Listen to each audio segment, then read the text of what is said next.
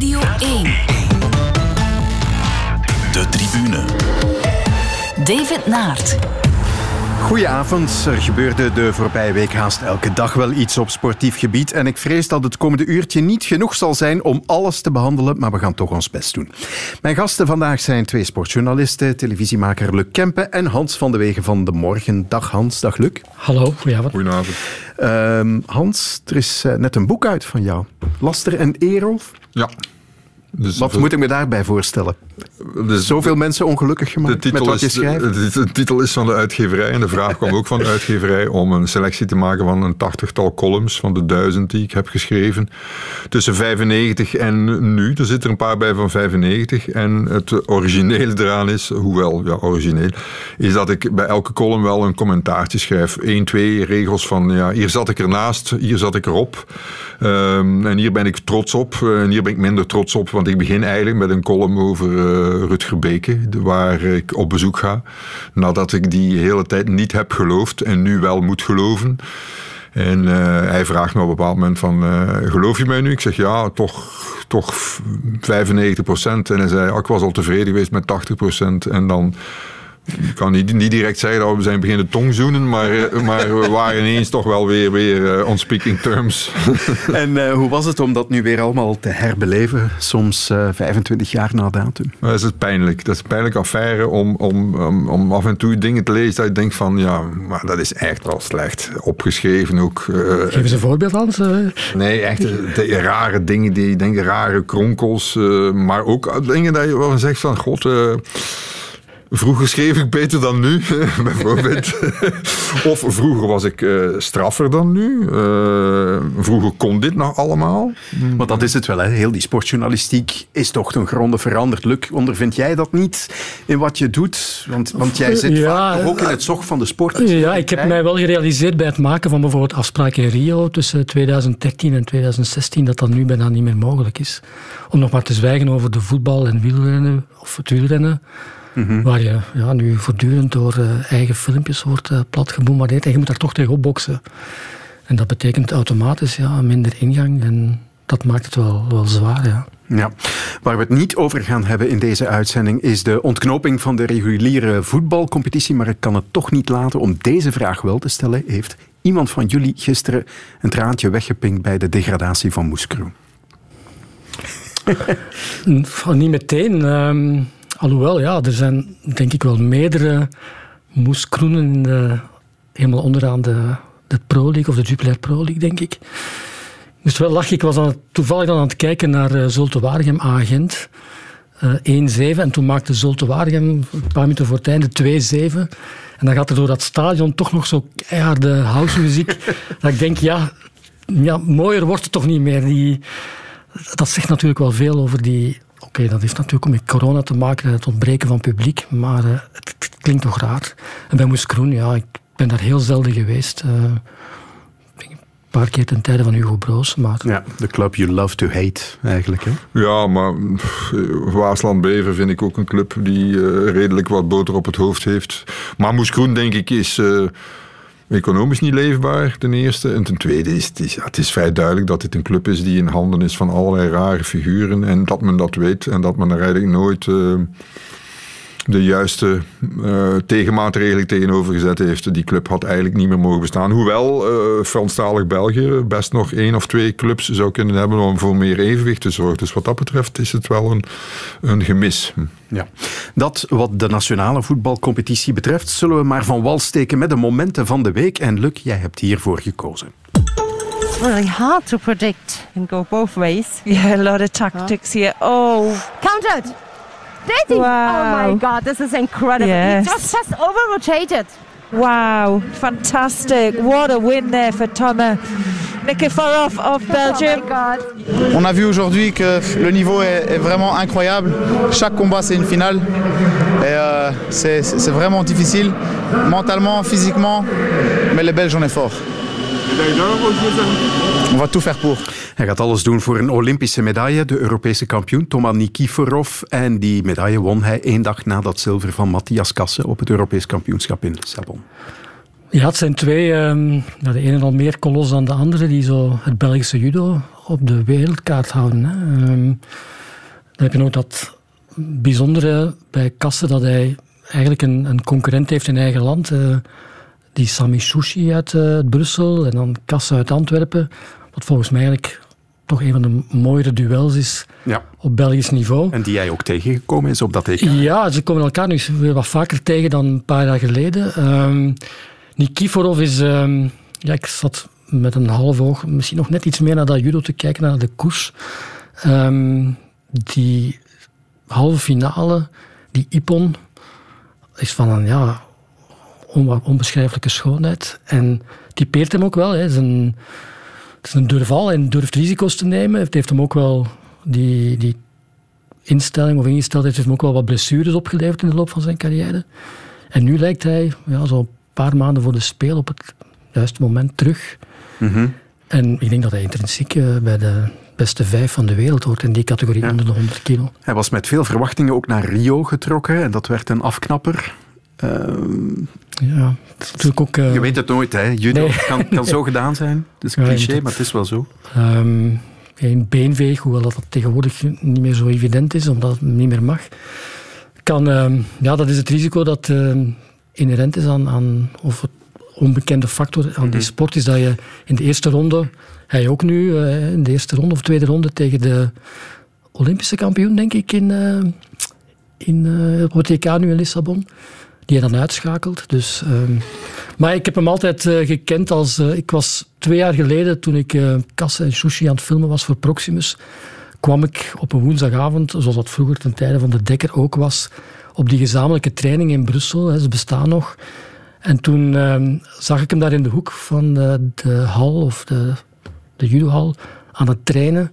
En toen dacht ik van, is het over? Omdat zijn blessure dermate zwaar was, dat ik er hem begon te twijfelen. En mhm. om hem dan gisteren zo twee keer met Ipon op het einde van dat concours, van, dat, uh, van die dag te zien, te zien uithalen, dat maakte mij wel blij in zijn plaats. Ja, je zegt die twee houden het, uh, het Belgisch judo op de mat op wereldniveau. Je hebt ook nog Jorre Verstraeten, die ja, onlangs de Grand Slam won. Maar hoor ik daar een beetje heimwee naar die gouden judo-jaren? Niet meteen, ja. Het, is wel, het zijn wel twee kleppers. Um, het is toch anders dan bij uh, van, van Snik of Verstraten die misschien meer zwoegen, bij hen zie je toch dat intrinsieke talent. En, en de regelmaat ook, en de, de uitslagen. Ja. Hij nu voor de tweede keer Europees kampioen. Uh, ja. Kasse finale WK.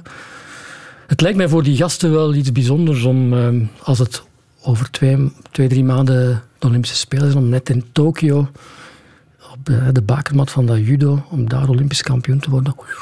Dat lijkt me wel dat zou heel mooi zijn. Ja, dat zou heel mooi zijn. Ja. Afspraak eind juli daarvoor voor het judo-toernooi in Tokio. Voor het moment van Hans gaan we naar de koers. Van Aert aan de leiding. Van Aert aan de leiding. Pitcock in dat wiel.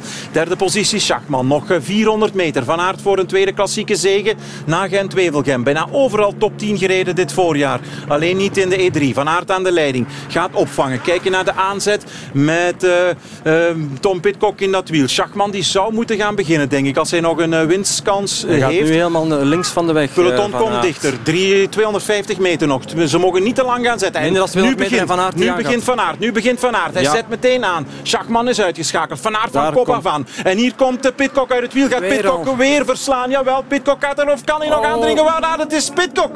Dat durf ik niet te zeggen. Oef. Ja, en, en Van Aert, en van Aert doet inderdaad teken. Nu krijgen we de finishfoto en dat gaan we op de millimeter kunnen zien. Het is een half wiel hoor. Jawel, die komt, oh, dat is close. Tom Pitcock, de man die daar naast jou staat, die zei ja, ik voelde het dat Wout had gewonnen.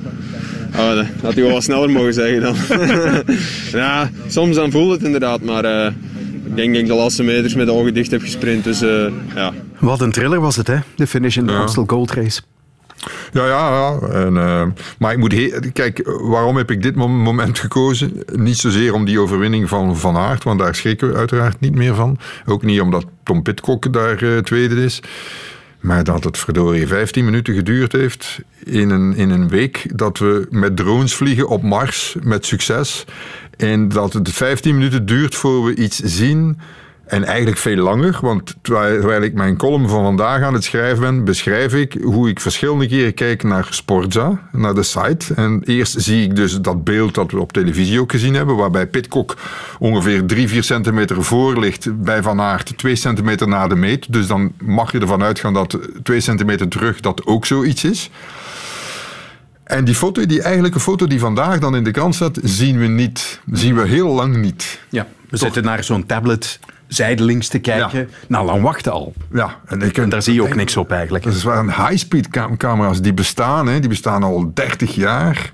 Eh, om die, daar, die kunnen dan meteen ook, dat, dat moet gewoon doenbaar zijn om dat meteen te tonen. En, en zeker, het is geen, eh, het is niet ehm, een wedstrijd eh, in Zichem, Zussen, Boulder. Nee, het is een, een, een, top, een topwedstrijd van de World Tour. Het is een klassieker hebben dan er toch het materiaal klaar. Omdat, en, en het is, maar het is natuurlijk fantastisch mooie sport, eh, het wielrennen. En, en het is altijd maar mooier geworden, ook in coronajaren. Maar dit is dan nu typisch weer de UCI en het wielermilieu. Dat ze er niet in slagen om de eerste uren eigenlijk iedereen gerust te stellen. Want ik dacht van, ja, wat is hier nu aan de hand? Ik zie toch beelden waarbij Pitcock heeft, heeft gewonnen. Ja. Eh, in het Algemeen Dagblad voeren ze vandaag uh, Jem Piore uit. Dat is een Vlaamse UCI-commissaris die, die gespecialiseerd is in de fotofinish.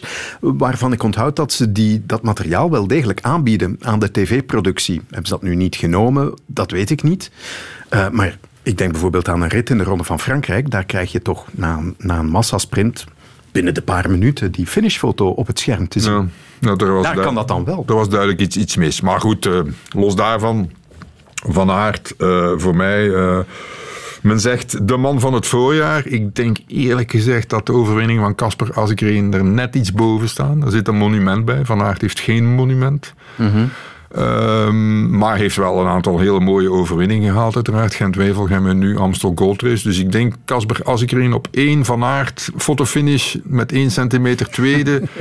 uh, en dan uh, Van der Poel nog drie centimeter daarachter derde. En dan, uh, ja, dan hebben we het ongeveer gehad zeker. Een vorige keer dat hij hier zat ging het ook over dat voorjaar van Van Aert dat er nog zat aan te komen. Toen was hij niet helemaal zeker hè, wat je er kon van verwachten. Heeft hij jou dan toch ja, verrast? Is, ja, toch? Ja, ja, ja, uiteindelijk wel. Ja, ja, ja uiteindelijk wel, ja. Um, ik, ik had toen mijn twijfels over het feit dat Van Aert uh, privé een aantal dingen had moeten oplossen, namelijk vader worden. En dat is natuurlijk een feest.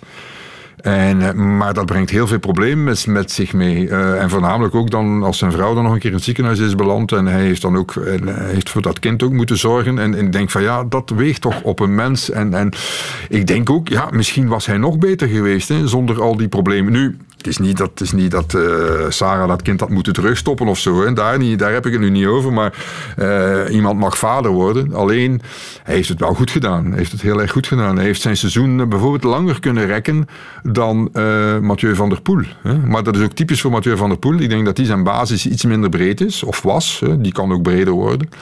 die heeft zijn gehad um, al in januari. En heeft dat dan kunnen rekken tot na de Strade Bianchi, maar dan was het en de Ronde van Vlaanderen nog een beetje, maar dan was het al wel over. En Van Aert gaat nu, ja, is, is tot nu toe bezig geweest en heeft het goed gedaan. Oké, okay, het WK heeft hij niet gehaald, hè. het WK um, veldrijden en dat is toch altijd uh, in, deze, in deze landen de allerbelangrijkste wedstrijd uh, die er is. Hè. Maar zullen we het nog even over Tom Pitcock hebben, want dat is toch de revelatie ook. Die gaat de Tour ooit winnen, hè? Ja. Die gaat ooit de Tour winnen, ja, dat denk ik wel. Ja. Als Ineos die binnenpakt en we zien wat voor niveau die haalt en zijn progressiemarge is uh, er waarschijnlijk... Er zit nog veel pro progressiemarge op, denk ik. Dat wordt zo'n um, een, even, een evene pool, maar misschien zelfs nog iets... Iets straffer. Uh, die ja. kan misschien nog iets meer dan Evenepoel. Die heeft ook nog een sprint. Hè? En als je tegen Van Aert kan sprinten.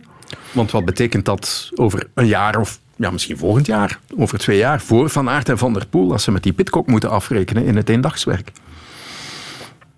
Ja, maar goed, ja. Pitcock bij Ineos zal waarschijnlijk uh, een, een, opdracht krijgen om zich te, voor te bereiden voor uh, gro grote rondewerken. Toch? Want ik dacht ja. dat ze het toch wat breder gingen bekijken. Ja. Heeft hij ook zijn zin in op Roubaix gezet, uh, Pitcock? Hij kan niet op kassei rijden, zegt hij. Ja. dus, dus of bergop op kassei of vlak op kassei is hetzelfde hoor. Dus ja. dat, dat, nee, daar is hij volgens mij te licht voor. Maar het is een, eh, het is een raar manneke, hè. Eh, nu, Nijs heeft hij nog eventjes gehad. eh, en als je dan, dan hoort hoe die, hoe die jongen, ja, hoe getalenteerd die jongen was, ja, dan, dan kan je er wel van uitgaan dat dat inderdaad een, eh, een hele, hele goede renner wordt. Ja, ik vond het opmerkelijk. Vanochtend tweette Pit Kok eh, over die finishfoto, want ik wil er toch nog even naar teruggaan, eh, dat die foto meer vragen opriep dan dat hij antwoorden gaf. De officiële eh, finishfoto. En, en hij zei erbij, een, een fotofinish moet 100% accuraat zijn, voortaan. Want dan heeft hij die tweet weer verwijderd. Hij zal de kans gehad hebben om gisteravond met eh, de leiding van Ineos daarover te hebben. Hè. Ik verbaas me er soms toch over dat ze niet... Ik heb, ik heb ook ik, ik heb iets geschreven in de column vandaag. Oké, een beetje bad- badinerend van ja, gaan ze vandaag nu met een microscoop, eh, elektronenmicroscoop daarop zitten? Want gaat die Neos misschien klachten indienen? Want uiteindelijk, die foto, als je dat dan ook ziet, denk ik van ja, waar, eh, toon mij die 4000ste. Toon mij die 4000ste. Ik, ik, ik zie het niet goed op die foto, eerlijk gezegd. Maar ik zeg absoluut niet dat er bedrog in het spel is. Zeker niet. Eh, maar het is niet, het is niet heel eenduidig. Het is geen, heel, geen haarscherpe foto. Het moet beter kunnen. Dat, dat, dat kan niet anders. Zullen we het eh, even hebben over het voorjaar van Julien Alaphilippe? Hoe moeten we dat taxeren? Zesde, zijn beste resultaat in de, in de goldrace gisteren, maar ja, onopvallend toch? Hij zegt, ik zal er staan in de Waalse pijlen in Luik. De vloek van de kampioenentrui of zo. eh, als hij er niet staat in de Waalse pijlen en in Luik, dan zal, zal dat Ja. een kop Voorjaar zijn. voorbij, hè? hè? Zal dat een kop zijn. Hè? Ja, hij heeft bijgetekend tot 2024. Ehm, ja. Toch die val eh, vorig jaar daar in de Ronde van Vlaanderen. Dat dat toch een, ik weet niet of hij het eh, zo nauw genomen heeft daarna. Hij is dan net ervoor wereldkampioen geworden. Een soort Dat is ook veranderd van lief, hè? Dat, Maar dat was daarvoor al, hè? Ja, dat was daarvoor al, maar dat werkt na. Hè? Maar, maar wie dan toch een betere indruk maakte, was zijn ploegmaat Mauri van Zevenand, eh, na onwaarschijnlijk veel tegenslag gisteren. Kijk hier is. Van Zevenand? Man, man, man. Is dat meer man, voor zijn man. kopman of is die gewoon zo goed? Die is gewoon beter. Niet normaal. Die is met andere woorden gewoon beter. Dat is echt niet normaal. Dat is wel normaal, hè? Dus ik zou van Van Zevenand toch maar mee de kopman maken voor de Waalse pijl. Dat mag je wel zeggen, ja. Goh, dat weet ik niet. eh, kopman is altijd, eh, dat is ook altijd een mooi woord. Maar ik probeer er zo liefst van alle een beetje tussen te rijden. En eh, laat mij maar een beetje in de schaduw. En dan zal ik wel mijn ding doen. Hij doet zijn ding wel. Ja, het is ehm, natuurlijk nog ehm, eh, onbezonnen en zonder de minste druk en alles wat nu gebeurt. Ik moest denken trouwens aan ehm, toen hij in de, de Ronde van Baskeland was, het zeker, hè, daar eh, elfde werd toch, Ehm, net buiten de top 10. Louis Vervaak heeft dat ook ooit gedaan, hè? 2016, Ja. 2015, ook tegen kleppers uit eh, die periode. Dus ja, ik wil dat toch nog even meerekenen. Van dat het, Ja, ehm, maar vorig jaar rijdt hij daar het bos niet in, waar hij op de weg moet blijven. In de Waalse pijl, daar eh, in de afdaling. Ja. Dan wil ik nog wel eens zien of ze hem inhalen hè, op Ja. de muur van Hoei. Want zoals hij kan, kan klimmen, het is geen, het is geen sukkelaar. Hè? Dus ik bedoel, eh, hij had daar echt wel winstkans. Ja, en daar profiteert hij misschien wel van de onderschatting en het feit dat ze hem niet kennen, dat is misschien nu ook al wel voorbij. Er is zo'n beeld van dat hij daar, eh, ik denk de voorlaatste helling, Valverde, links passeert. Gaat verdorie rap, hè. Dus eh, misschien dat hij in het hoofd van, eh van de vijver toch al wat broeit. En eh, ja, waarom niet, hè. De Waalse pijl zeker in de gaten houden, nu woensdagnamiddag. De tribune. Het nieuws van de dag komt uit de voetbalwereld. Die staat in rep en roer na de mededeling gisteravond van twaalf Europese topclubs dat ze een eigen lucratieve Europese competitie willen starten, de Super League, en wel zo snel mogelijk. De twaalf zeggen de UEFA en de Champions League dus vaarwel. En die twaalf, dat zijn zes Engelse clubs, de twee uit Manchester, Liverpool, Arsenal, Tottenham en Chelsea, drie Spaanse, Real, Barcelona en Atletico, en drie Italiaanse ook, Juve en de twee Milanese clubs. Dat nieuws gisteren zorgde voor consternatie zo'n beetje overal in het voetbal. Bijvoorbeeld ook bij Gary Neville, ex-speler van Manchester United en nu analist bij Sky Sports. I mean, I'm a Manchester United fan and have been for 40 years of my life, but I'm disgusted, absolutely disgusted.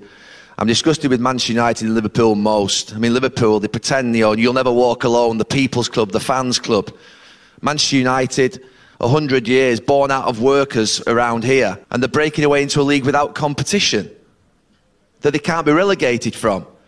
It's an absolute disgrace. And honestly, we have to wrestle back the power in this country from the clubs at the top of this league, and that includes my club. And I've been calling for 12 months as part of another group for an independent regulator to bring checks and balances in place to stop this happening. It's pure greed. They're imposters. Manchester United aren't even in the Champions League. Arsenal aren't even in the Champions League. You watched them earlier on today. They're absolute shambles of a football club at the moment. And they want a God given right to be in there. This is the biggest sport in the world. This is the biggest sport in this country. And it's a criminal act against the fans. Simple as that. Deduct points, deduct their money, and punish them.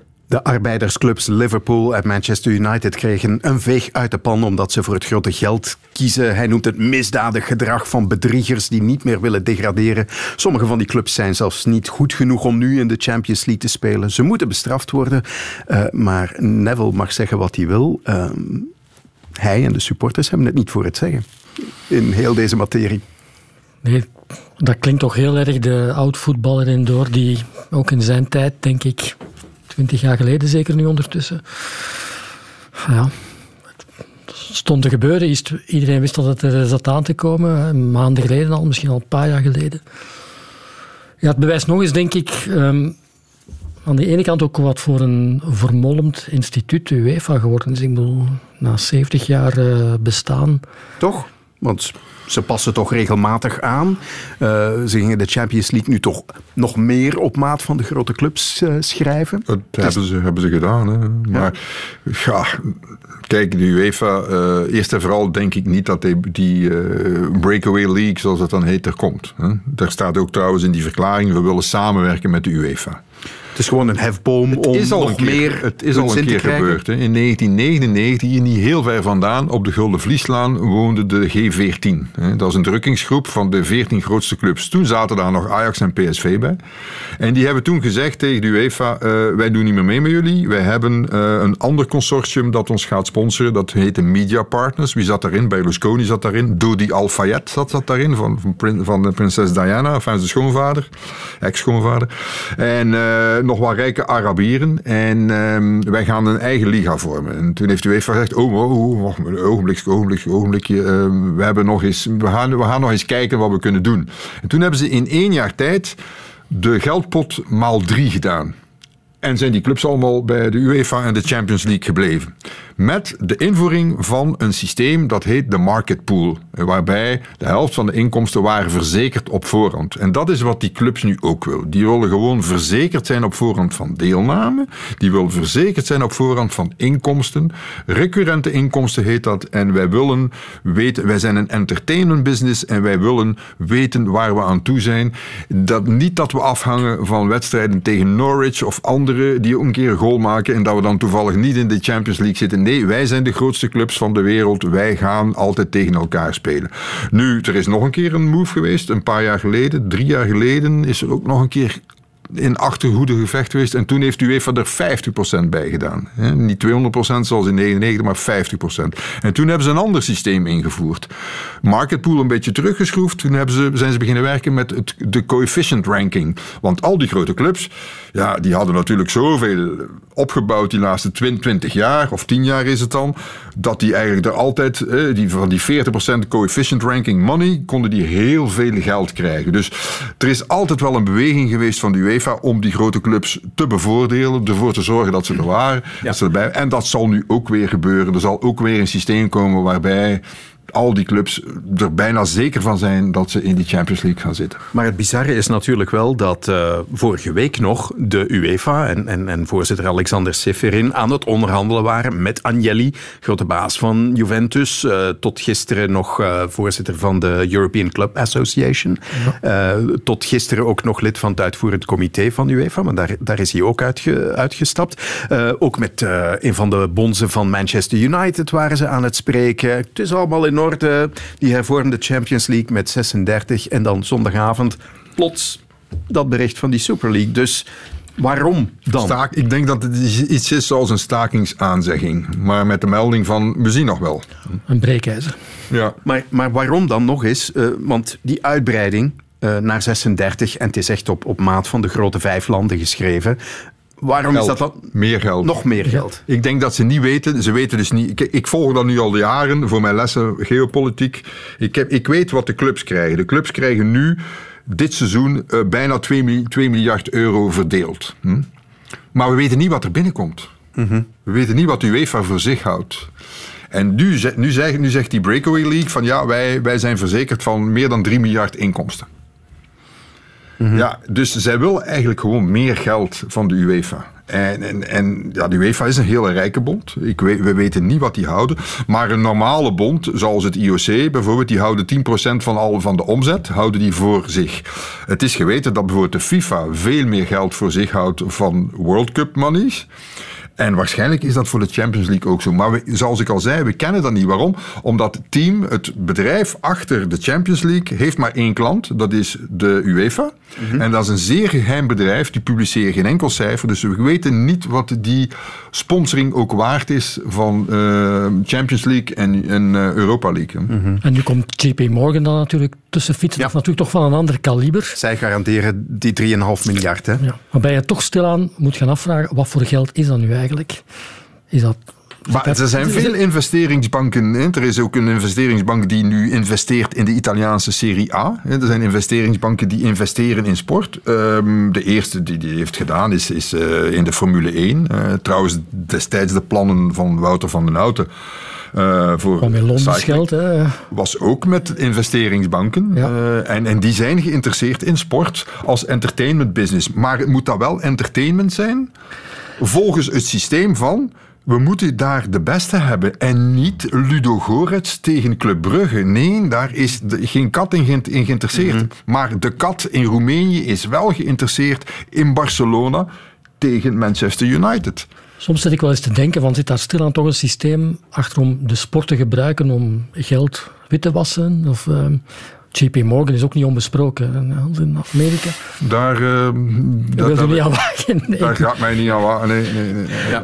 Maar de UEFA die reageert ondertussen als door een wesp gestoken. Eh, voorzitter Alexander Seferin zei vanmiddag onder meer dit. I cannot stress more strongly at this moment UEFA and the footballing world stand united against the disgraceful, self serving proposal we have seen in the last 24 hours from a select few clubs in Europe that are fueled purely by greed above all else. As previous, previously announced by FIFA and the six confederations, the players who will play in the teams that uh, might uh, play in, uh, in, a, in the closed league will be banned on playing the World Cup and Euro. Ja, hij hekelt de hebzucht van een aantal clubs en vooral hij dreigt ermee de, de spelers van de betrokken clubs uit te sluiten van hun nationale ploeg. Voor hen dus geen EK of WK meer. Zal die soep zo... Nee, eh, En hebzucht moet u even natuurlijk doen. Dat zal eh, ook voor de rechtbank worden uitgevochten. En dan gaan ze toch nog wel een bakzeil halen, hoor, die UEFA. Want het is, er, is wel een, er is wel wat verschil. Dit is eh, begin van de 20e eeuw. Hè. Eh, redenering, of laten we zeggen 1950, 1960. De almacht van de bonden. Hè. Maar dit is natuurlijk dit is achterhaald, hoor. Spijt me zeer. Maar eh, bij die nationale ploegen ja, is er daar sprake van een arbeidscontract. Want je verdient er niks mee, behalve de premies bij, bij, bij overwinningen of zo. Eh, terwijl als je voor een club gaat spelen, ja, dan, dan teken je een arbeidscontract als je wordt opgeroepen als international. Die grote clubs zijn Dan natuurlijk al een tijdje zenuwachtig over altijd dat uitbesteden aan die... Ja, die eh, willen daar vanaf natuurlijk. Ja. Dus, ja, voor hen is het nog mooi meegenomen. Maar je gaat natuurlijk naar een, voor een deel naar een eh, Amerikaans model. Hè, waar, Gesloten eh, competitie. Waar de NBA-spelers gaan ook niet elk jaar het WK basketbal spelen. Hè. En daar verliezen ze meer dan dat ze winnen. Maar als ze zich moeten plaatsen voor de Spelen, dan eh, sturen ze wel een paar die het goed kunnen. En dan de beste gaan dan naar de Spelen. Dit, dit zal ook wel zoiets worden als het dit wordt. Hè. Maar ik denk dat elke sport uiteindelijk in de richting van het Amerikaans model zal evolueren. Hè. Waarom? Omdat het, dit is eh, garantie voor meer inkomsten. Maar dat niemand mij zegt dat de, het Europees voetbal nu het Amerikaans model eh, hanteert. Want dit gaat inderdaad over heel veel geld. Maar het Amerikaans model is een solidariteitsmodel. Namelijk, de kleinere teams krijgen geld van de grote teams die te veel geld uitgeven aan salarissen. En die, dit wordt verdeeld in een pot. Dat systeem heb ik in Europa, in het Europees voetbal, nog niet gezien hoor. Misschien komt dat er nu. Want het is natuurlijk wel zo, die grote teams, die willen wel solidair zijn. Maar dan wel met mensen van gelijk niveau. En niet met Ludo Gorets en met Club Brugge. Dat is hun achterliggende redenering. Ja, ehm, het is misschien ook een, een, een geval van financiële noodzaak, omdat eh, als je die twaalf financiële cijfers voor het voorbije seizoen bekijkt, gezamenlijk verlies, eh, zonder uitgaande transfers meegerekend, 1,6 miljard euro het afgelopen seizoen. Of speelt dat, niet mee? Oh, ik denk dat dat een kleintje is. Mhm.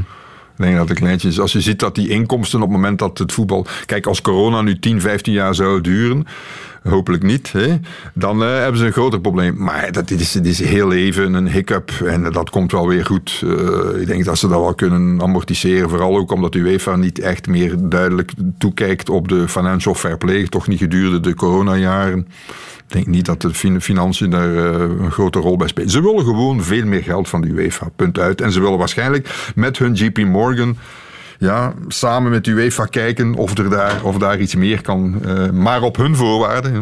Ja. Zoals in 99. Ja, ehm, je had het al over de rijkdom eh, die we vermoeden van, eh, van de UEFA. Ehm, de voorzitter Seferin die zette vanmiddag toch nog eens het verschil, wat hem betreft, tussen UEFA en die nieuwe Super League in de verf.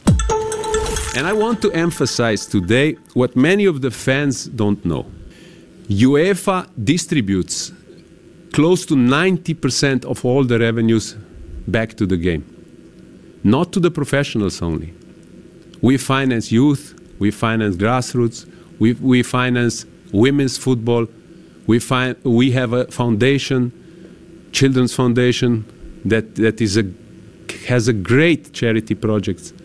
So whoever thinks Super League is about money and UEFA is about money as well is not right. Super League is only about money. Money of the dozen. I don't want to call them dirty dozen. And by my opinion, this idea is a, a spit in the face of all football lovers and our society as well. De Dirty Dozen kiezen alleen maar voor het geld en wij, UEFA, zijn eh, de weldoeners. Zegt hij vanuit Montreux zeker, waar ze samen zijn? Dat is Eh, toch niet eh. bekend als eh, het meest democratische stadje in de... Was het in Montreux? Het- of de executive committee is eh, binnenkort. Ja, gewoonlijk vergaderen ze in Nyon. Nyon, hè, Ah, dat is ja. tussen. Genève en, en Lausanne. Ja. Ja. Ja, het is... ehm, valt natuurlijk wel op. Ehm, ik zat vandaag te kijken of zo iemand als Marcus Rashford, hè, toch de man die het afgelopen jaar ook los van zijn voetbal bekend werd, omwille van zijn goede doelen, of die al iets tweeten over zijn weerzin tegenover heel het project. Ja, niks. niks hè. Dus ehm dan merkt het toch ook al dat hij vanuit hij van zijn Amerikaanse bonzen het signaal gekregen heeft, toch maar even rustig blijven. En we zien wel op, Eh. op hun niveau wat daaruit komt. Maar ehm, Ja. We zullen zien. Hè. De Belgische voetbalbond had er wat tijd voor nodig, maar eh, spreekt zich eh, dan toch, net als UEFA en de andere nationale bonden, uit tegen de Super League. En ook Ivan de Witte, de voorzitter van AA Gent, ziet de evoluties met ledenogen aan. Dit zei hij vandaag in de ochtend. Wij hadden al een, een, toch een soort devaluatie eh, door de inrichtingen van de Conference eh, League. eh, waarbij dus een aantal clubs die vroeger toch wel konden deelnemen aan de Europa League, nu worden eh, ja, naar beneden geduwd, eigenlijk bij wijze van spreken. Maar dat betekent dat eh, de waarde van die Europese wedstrijden eh, toch wel ver naar beneden gehaald wordt. Als we nou nu aan de top nog een eh, league, een Super League toevoegt, dat betekent dat eigenlijk nog wel een de- verdere eh, devaluatie. En gaat men alle aandacht en, en ik denk ook geld en eh, financiële middelen duwen eh, naar die Super League. Ja, we mogen inderdaad niet vergeten dat de devaluatie van dat Europees clubvoetbal toch al ingezet was voor wie niet bij de grote vijf landen behoort. Ja, ik denk dat je hier een man hoort die beseft dat ja, wedstrijden van A-agent of als Hans zegt Club Brugge of Ludo Gorets, dat die niet interessant zijn voor de Aziatische markt of Midden-Oosten, waar nog veel geld erop valt. Ik denk dat ze daar de opening hebben gezien van daar valt het eh, grote geld nog te halen. En dan heb je inderdaad eh, vooral... Ik vind dat Gary Neville en, en, en, wat die van de Witten ook zegt, eh, alle respect voor, voor Yves van de Witten, maar, maar dit is achterhaalde romantiek. Hè. Het, is, het, is alsof, het is alsof de kruidenier, eh, of nee, het cafeetje eh, ergens in, eh, in de Vlaamse Ardennen wil concurreren met de Grand, Grand Café in, een- in een of andere grote, gro- een of andere wereldstad. Ik bedoel, dit, dit werkt niet. Dit, dit is, maar je zal elk op zijn niveau iets kunnen doen en een competitie hebben. En ja, wij zullen dan in de eerste pro- provinciale van de Europese competitie spelen. Ja. Het- dat is nu eenmaal de realiteit. Ik denk in datzelfde gesprek deemsterde iets door over hoe hij eh, ja, eh, toch een nood van Europese avonden in Rome en Londen. En nogal eh, denigrerend sprak over Tirana en Wit-Rusland, eh, Mhm. waar zij de afgelopen jaren veel Europa League-wedstrijden hebben gespeeld. Ja, dat, ik denk dat Ja, dat was, is. dat was voor Bar- Bart, Bart Verhagen ook een, een onwaarschijnlijke eh, opsteker dat hij naar Bernabeu mocht en in Real, bij, tegen Real Madrid mocht voetballen en tegen PSG. Ja, maar, maar ik denk van ja, maar eigenlijk is dat jullie plaats niet. Voor Belgische teams. Het spijt me zeer. Dit is de realiteit. En een bedenking die ik mij ook maakte, de Belgische topclubs zijn nu ook wat boos, maar eigenlijk willen ze precies hetzelfde doen tegenover de kleinere clubs met de oprichting van die Beneliga. Ja, iedereen... De ja. Pot, ketel, zwart. Is het moment niet om naar eh, ja, dit aan te grijpen, om naar een competitie te gaan in België van 12 clubs, 10. En op die manier toch eh, iets te creëren dat eh, in ieder geval zo mogelijk winstgevend is. En ja, dat we inderdaad af zijn van waar we eerder deze uitzending over hadden, over de moeskroens en de bevers van deze Er zal ooit, maar dat gaan wij niet meer meemaken. eh, misschien zullen we wel nog leven, maar er zal ooit wel een Europese supercompetitie komen. Waarbij er ook in, het, in de Europese hoofdstad een team zal spelen. In Brussel. Ja, en er ook in, in Amsterdam een team zal zijn. Eh, En er zeker ook in Parijs een zal zijn. En er misschien nog ergens anders ook wel een. En, maar niet bij- pakken we in Luxemburg, eh, de kleine markt. Eh, maar die zullen ingeplant worden. En dat wordt een Amerikaans model. Eh, En je ziet, die evolutie is echt ingezet met de financial fair play. hè. Eh, Van de- ja, het moet een beetje eerlijker gebeuren. Het moet daar een beetje beter op toezien. En het volgende zal zijn, we gaan niet meer werken met wat ze heten relegation, het zakken, het stijgen en zakken. Want dat is een achterhaald principe. Dat is... Economisch is dat een drama dat je op basis van, het meest, van uitslagen in het meest oneerlijke spel van de wereld kan je failliet gaan. Hm? Dortmund is bijna failliet gegaan door uitschakeling tegen Club Brugge omdat ze zich al hadden rijk gerekend ooit, in het begin van deze eeuw was dat, rijk gerekend dat ze Champions League zouden spelen. Zo zijn ze bijna failliet gegaan. En ze hebben, ze hebben 82.000 gemiddelde toeschouwers. Ze- uiteraard zijn ze dan bovenop gekomen, maar niet mogen meedoen ergens omdat je toevallig een wedstrijd verliest in het meest oneerlijke spel van de wereld, ja, is achterhaald. Het spijt mij zeer. En dan kunnen mensen zeggen, ja, je houdt niet van sport. Ik hou er wel van. Het werkt. In andere landen werkt het en het zal bij ons ook komen. Het spijt mij zeer. Ja, dus misschien maar goed dat de aandelen van Club Brugge niet genoteerd zijn op de beurs, want ze zouden een slechte dag hebben gehad. De tribune. Radio 1. En mijn gasten vandaag zijn sportjournalisten Hans van de Wegen en Luc Kempen. En ook de Belgische atleten die deze zomer naar de Olympische Spelen van Tokio gaan en hun entourage krijgen voorrang bij de vaccinatie. Zo zijn ze nog voldoende op tijd beschermd tegen een besmetting vooraleer de Spelen van start gaan eind juli. Vlaams minister van Sport Ben Wijts. Het gaat om een 270-tal atleten en een 25-tal eh, Paralympische atleten. Eh, hun omgeving, ja, daarvan zijn al velen die actief zijn in de zorgsector, kinesisten en medici en eh, dergelijke, die zijn al gevaccineerd natuurlijk. Voor de coaches, die worden in deze niet meegenomen. Het heeft heel wat voeten in de aarde gehad, maar hoera, onze Olympiërs en Paralympiërs worden dan toch versneld gevaccineerd tegen het coronavirus. Dat is goed nieuws, Hans. ja, ik, ja, ja, ja nou, de eerste berichten waren dat het, eh, men zou vragen om de volledige Olympische bubbel te vaccineren. Voor alle duidelijkheid, ik heb daar belangen bij, want ik zou ook in die bubbel hebben gezeten. Dus de media waren daar ook bij. Nu vrees ik dat de media daar niet meer bij zijn als ook de coaches.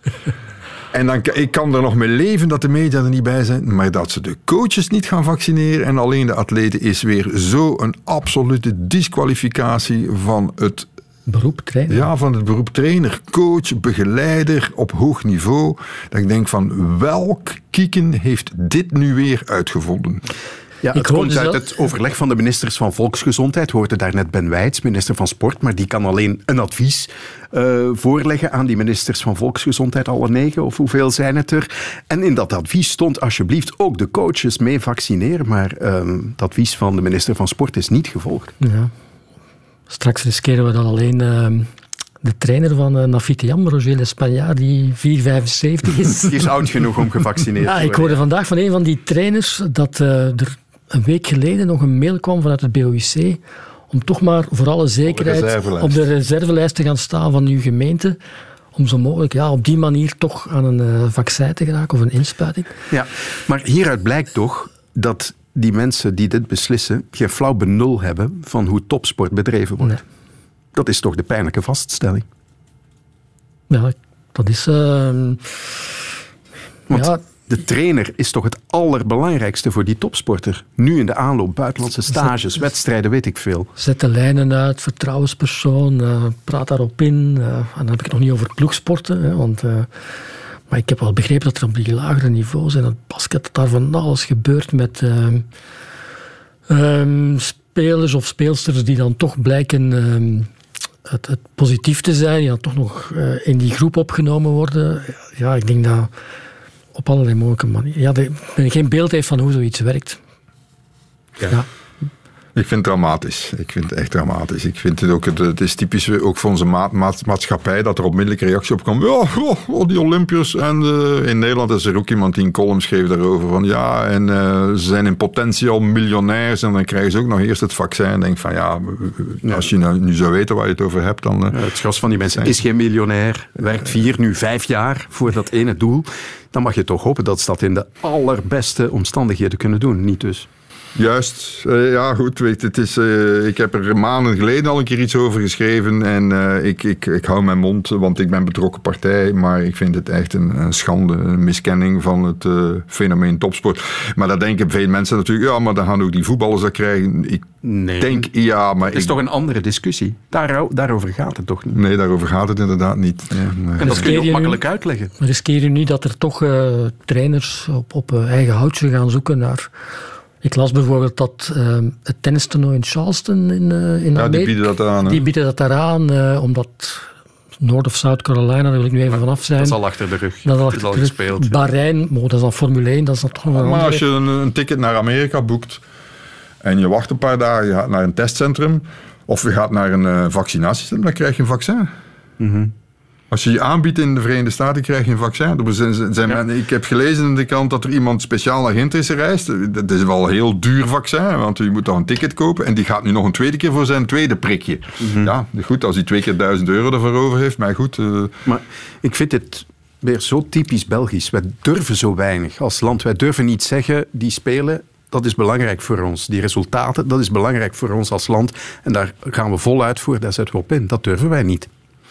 Dat durven de politici ook Misschien dat na een jaar onder het vergrootglas liggen, en dat geldt misschien ook voor Ben Wijts, dat het toch eh, een soort van angst is, die fundamenteel is om... Ja, Want waarover om- spreken we? Een honderdtal extra maar ze durven ook geen- vaccins? Ze durven ook Vaccinaties? 400?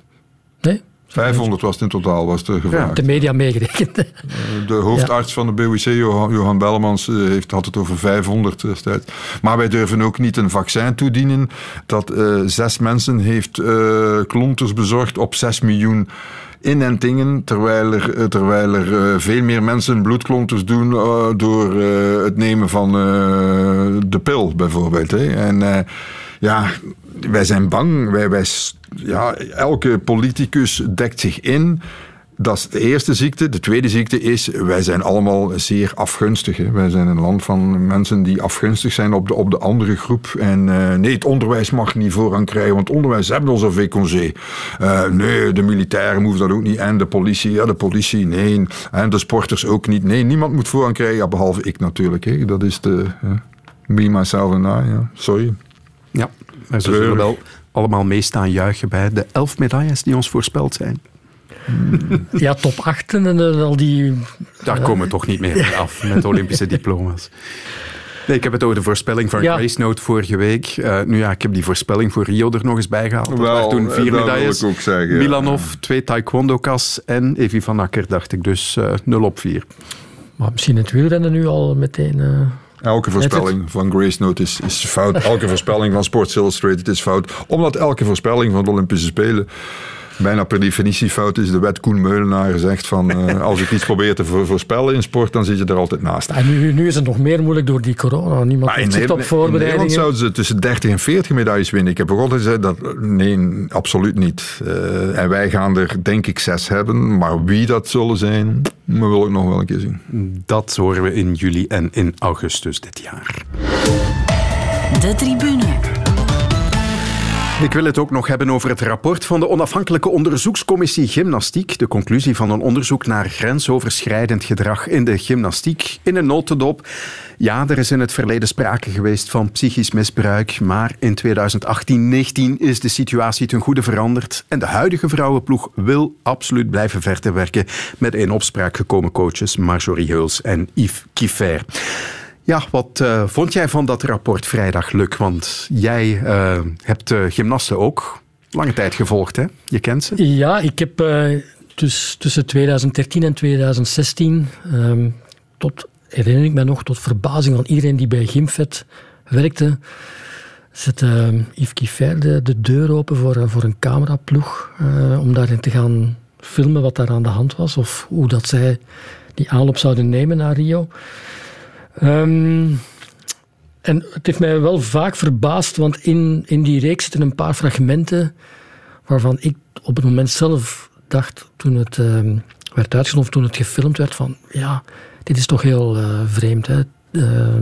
Turnsters die op training er flink van langs kregen. Ik herinner me nog het beeld van uh, Laura Waam op het WK-turnen of EK-turnen in Glasgow in 2015, die na een, uh, een slechte oefening echt uh, voor heel de groep en dus ook voor de ploeg van ons die daarbij stond echt uh, ja, vernederd werd en met de grond gelijk gemaakt. En daar kwam op dat moment um, bitter weinig reactie op toen dat uitgezonden werd. En ja, misschien dat wij zes jaar later in andere, toch min of meer andere tijden leefden, of leven nu, en dat dat um, um, ja, met, met een vergrootglas bekeken wordt toen dacht ik wel van, dit is, dit is wel vreemd. Ik denk ook niet dat ik ooit in een sportmilieu heb verkeerd tussen 2000 en 2013 en 2016, waar ooit zo hard en getraind werd. En ja, dat, is het hardste, het hardste milieu. Ik denk niet dat um, um, België dichter bij Chinese toestanden is geweest als... Uh... Maar overal in gymnastiek, hè? de vrouwengymnastiek, het is overal hetzelfde altijd geweest. Uh, in Nederland is Renske Endel ooit wel een keer weggegaan en bij Orlof gaan trainen als een zachte trainer en heeft daar haar medaille gehaald. Maar ik vind dat mensen die zich nu verbazen over het, het gymnastiekmodel, denken van, heb je A, niet goed gekeken vroeger, of ken je niet genoeg van topsport?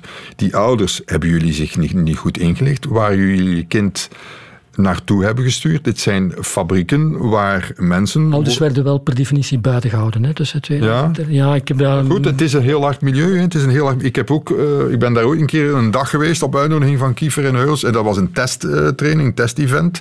Uh, in, intern. En daar... ik ken de naam niet meer van die atleten. Die niet over het paard durfden. Een bepaald ding niet durfden. En Kiefer kwam naar haar. En ik liep met, met hem mee. En, ze zei, en hij zei van... het is simpel hoor kind. Als je niet daar is de deur en dan is het gedaan. Hè? Mhm. En dat is gewoon keihard voor een kind van 16 jaar. Dat al geconditioneerd is van haar achtste. En daar heb ik dan wel een probleem mee. Dat die sport vanaf acht jaar die mensen eigenlijk opleidt als circusdiertjes.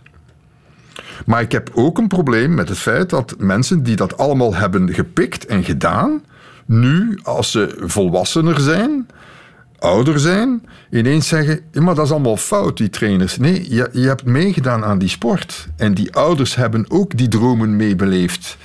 En die hadden moeten weten, ik was doodgelukkig toen mijn dochter bleek absoluut nul talent te hebben voor gymnastiek. Want haar eerste club was een gymnastiekclub en niemand bekeek haar nog, want ze had er echt geen talent voor. Ik was doodgelukkig, ik denk van joepie. Maar... Blijf ik uit.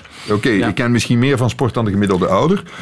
Wat natuurlijk ook wel meegespeeld heeft, Hans, op een bepaald moment, denk ik, eh, en dat heb ik wel gemerkt in de aanloop, want dat is misschien een van de meest ondergewaardeerde sportprestaties van de afgelopen tien jaar. Dat is de kwalificatie van het team voor eh, de Olympische Spelen in Rio. Dat was toevallig ook in Rio in april 2016. Ja, dat is in Rio ook, ja. Niemand was daarbij, behalve wij dus. ja, En ehm, zij kwamen als laatste a- aan bod ehm, in die reeks van pak een beetje 6 à 12 landen die zich daar konden kwalificeren.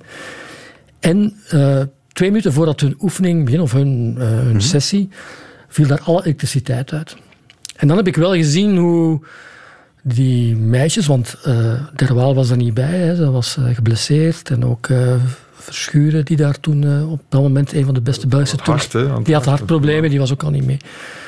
En ik denk dat daar ook wel iets, eh, de miskenning voor wat zij daar gepresteerd hebben, eh, dat dat ook meespeelt. Omdat toen ook al wel eh, duidelijk was van, ja, misschien moeten we van dat, wat in C toch eh, de bedoeling was. Hè. Er moest een team, een Belgisch team naar de Spelen gaan, wat uiteindelijk gelukt is.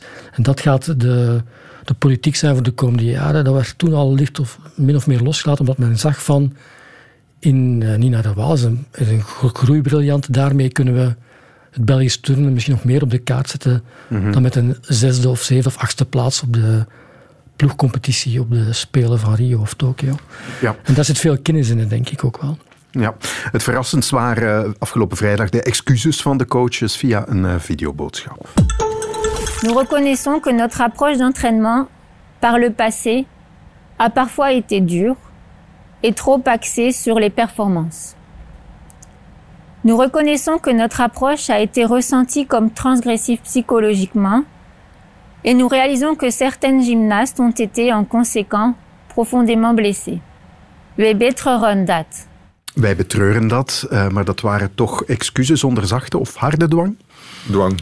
Ja, dat denk ik wel. Ja. Ja, die, zijn, die zijn beledigd nu, die mensen. Hè? Die zijn beledigd. Die zeggen, wij, jullie hebben ons gevraagd om een gymmodel op te starten. Wij starten een gymmodel op. Wij laten omkadering toe.